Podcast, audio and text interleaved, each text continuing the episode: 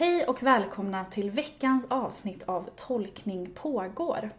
Det här är den feministiska och kristna studentföreningens Deboras andra avsnitt. Och texterna vi ska läsa idag hör till söndagen före domsöndagen. Och vi kommer utgå från Lukas evangeliet 12, 35-40. Vi som idag tolkar, läser och pratar om texten är jag, Jenny Grimbeck. Jag, Felicia Åstrand. Och jag, John Tallefors. Men vi börjar med att lyssna till evangelietexten.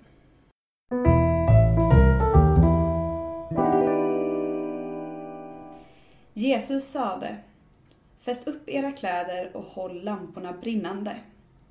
Var som tjänare som väntar på att deras herre skall komma hem från ett bröllop, så att de genast kan öppna när han kommer och bultar på porten.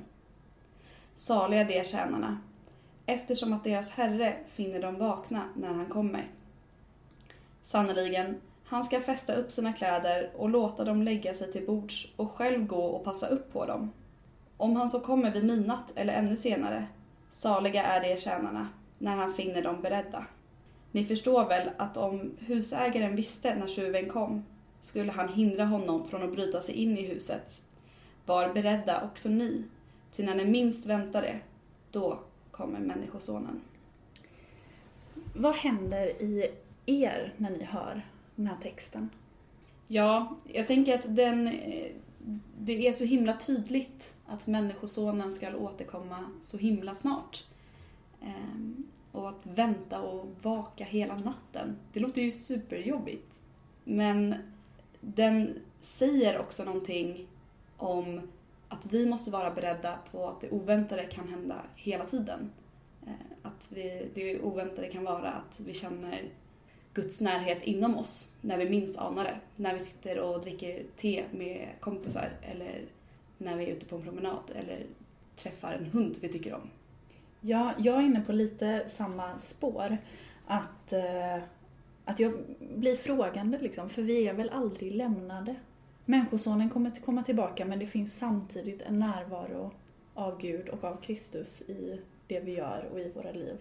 Men eh, jag tror det är lätt att tänka på liksom livet som man lever och det liv liksom man lever när man väntar på Människosonen kan ses som lite åtskilda eller som motsatser.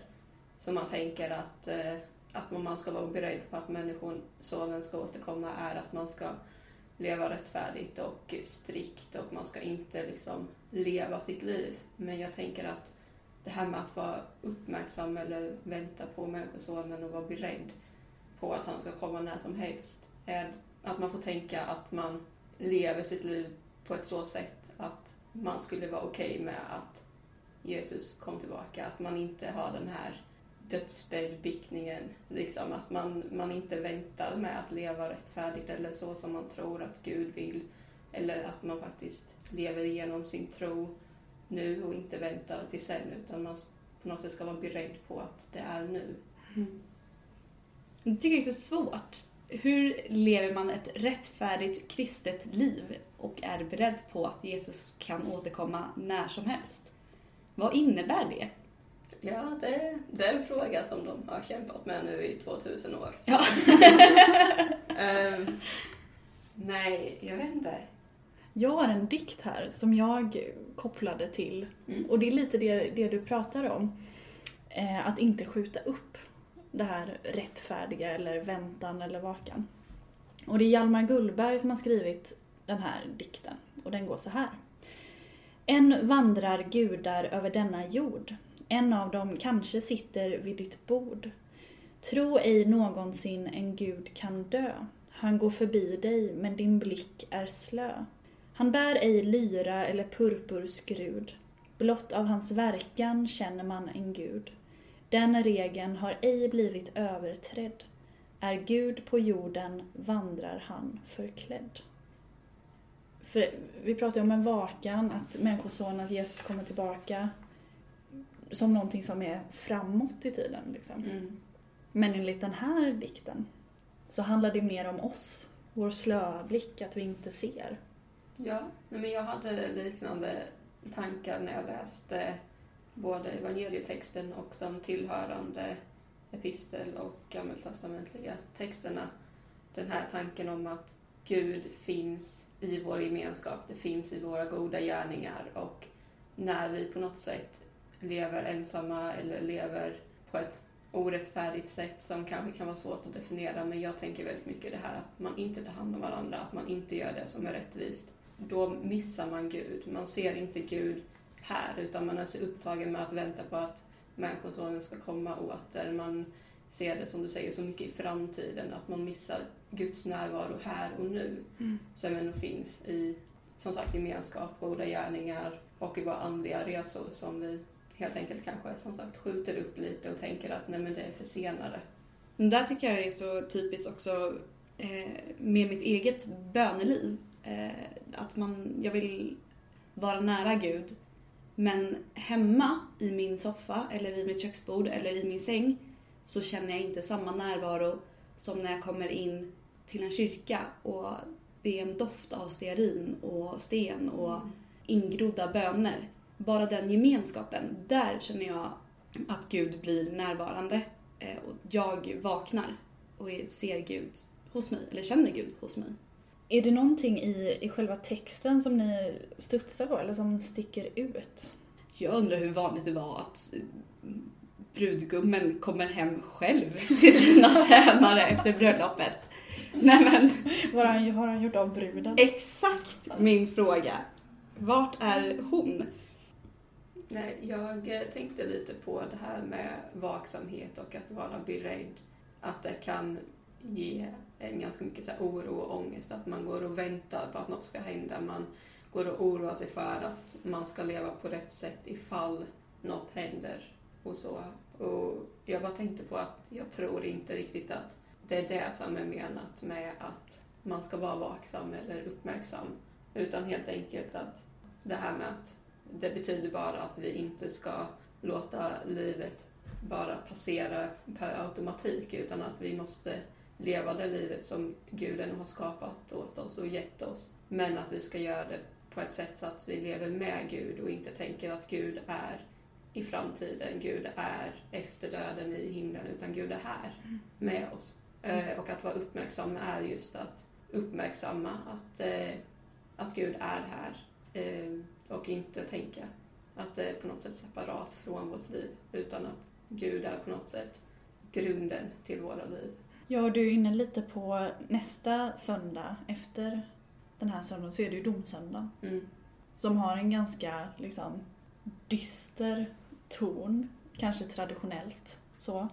Och samtidigt så är domen, den är ju också grunden för rättvisan.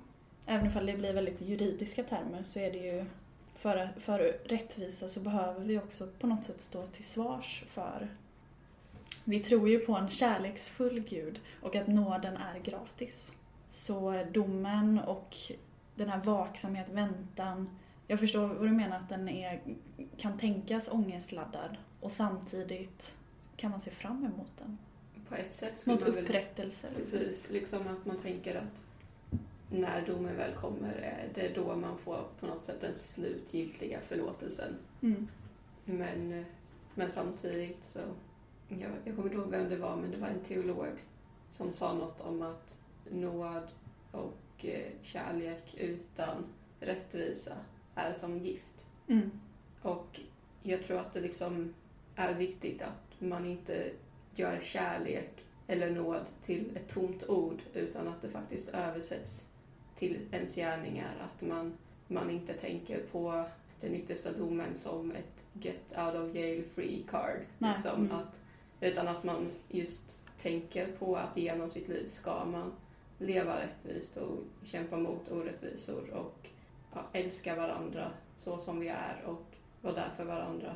Men också att inte bara hålla oss själva till svars utan också hålla varandra till svars även om vi inte kan göra det på den högsta nivån.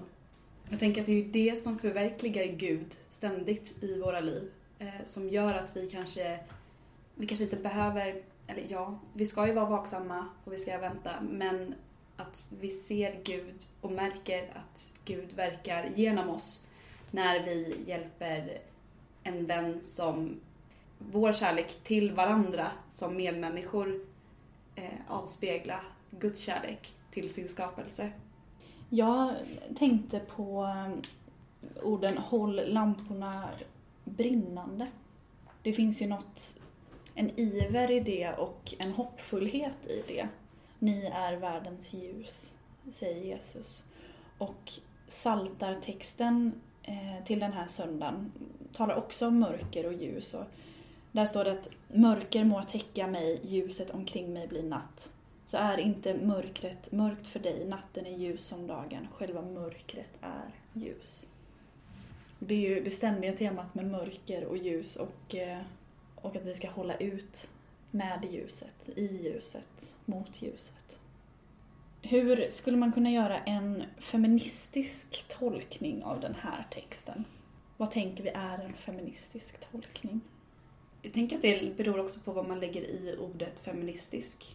Ehm, jag tänker från mitt eget perspektiv så engagerar jag mig i det bara för att jag tror på en gud som älskar alla och en kristendom som behöver välkomna ehm, och upprätta, upprätta, erkänna alla medmänniskor.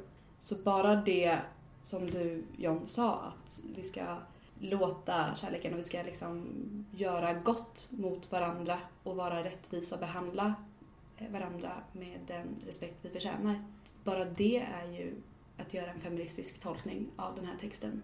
Jag har samma tankar för att min feminism är väldigt mycket det här med social rättvisa.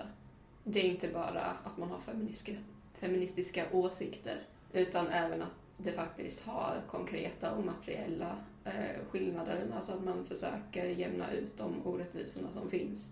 Eh, och att leta efter det budskapet i Bibeln när de talar om att det finns mörker och att vi ska vara ljus. Jag tycker att det känns som att man verkligen får budskapet att det finns orättvisor och ni ska vara de som kämpar för att göra det mer rättvist. Där tycker jag att Bibeln och eh, feminismen verkligen möts eh, i det här ständiga ropet efter jämställdhet och rättvisa. Och befrielse. Absolut. Mm.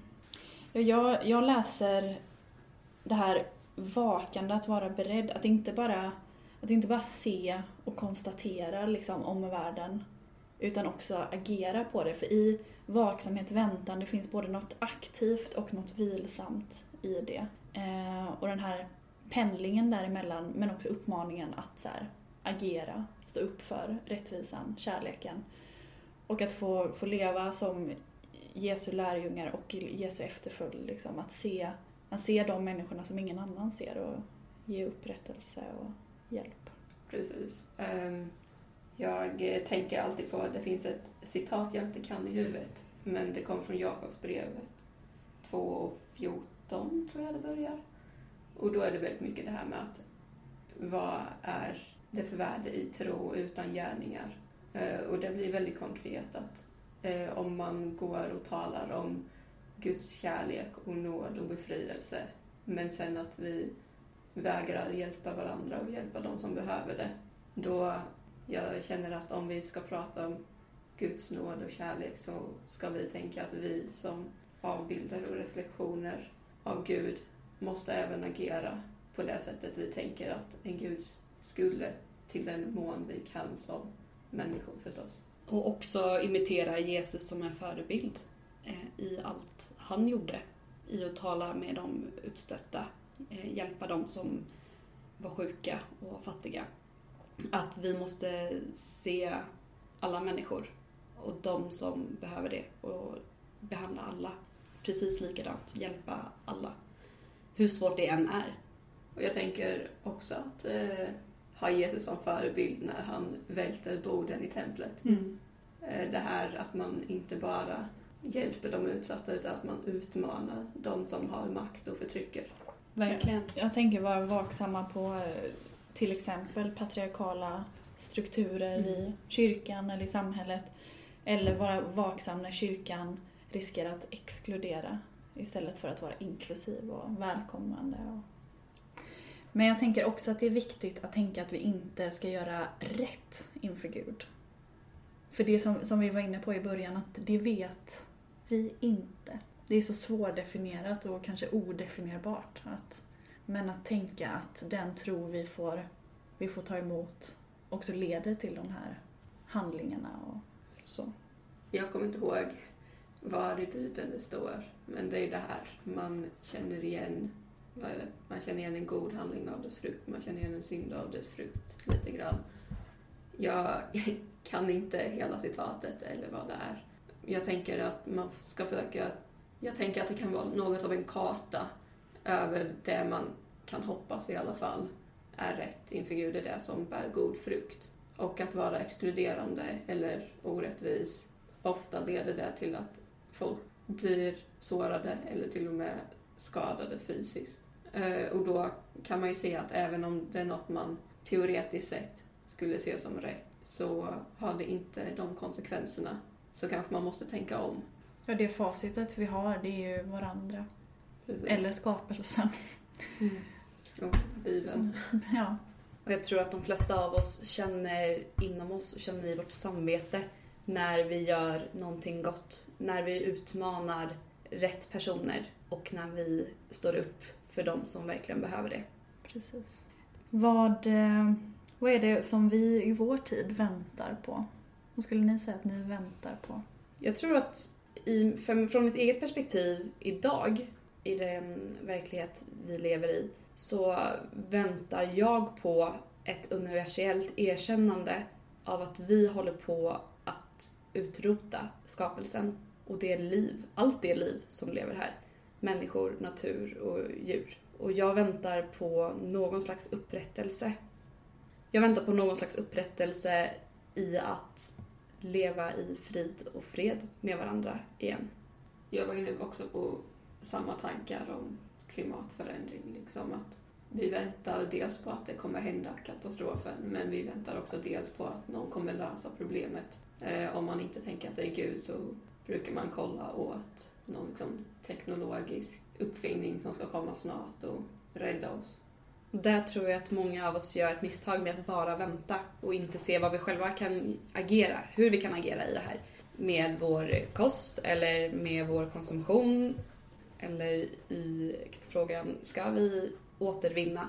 Nej men det är så jobbigt, då måste vi gå en extra sträcka för att slänga det här. Att där, vi kan göra så mycket själva som individer och inte bara vänta på världsledarna eller superforskarna. Där tycker jag att vi har en stor förebild i Greta Thunberg som tar saken i sina egna händer och Verkligen. åstadkommer mycket. Jag tänkte mer personligt när jag tänkte kring den här frågan. Och jag, fast den är också sammankopplad, för jag längtar efter frid. Ibland kan det kännas som att man springer så väldigt, väldigt fort genom livet och hinner inte med att tänka så mycket.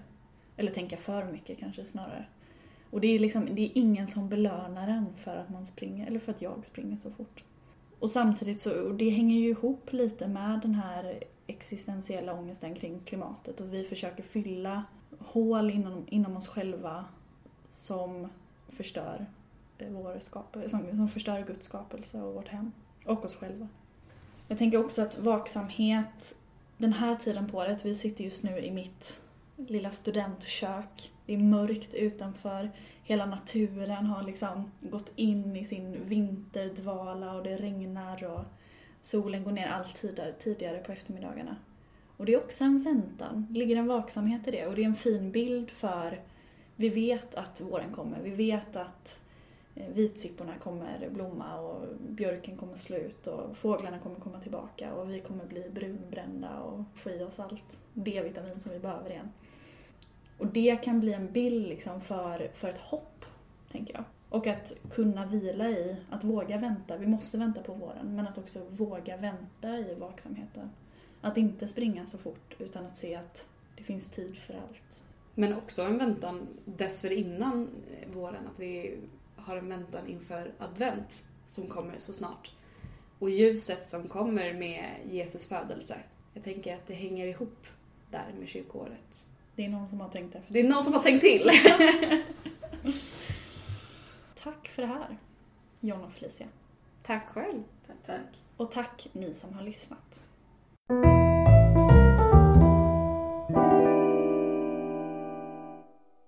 Du har lyssnat på Tolkning pågår, en teologipodd i samtalsform. För dig som vill fundera över livet och tron och för dig som vill få inspiration i predikoförberedelsen. Tack för att du har lyssnat. Och tack till alla er som gillar och delar våra avsnitt på Facebook och som på andra sätt berättar om den här podden för andra. Om du vill lyssna på fler avsnitt så finns vi där poddar finns och på vår hemsida som du hittar om du googlar Tolkning pågår. Och om du har tankar om podden så hör gärna av dig till oss på vår Facebook-sida. På återhörande.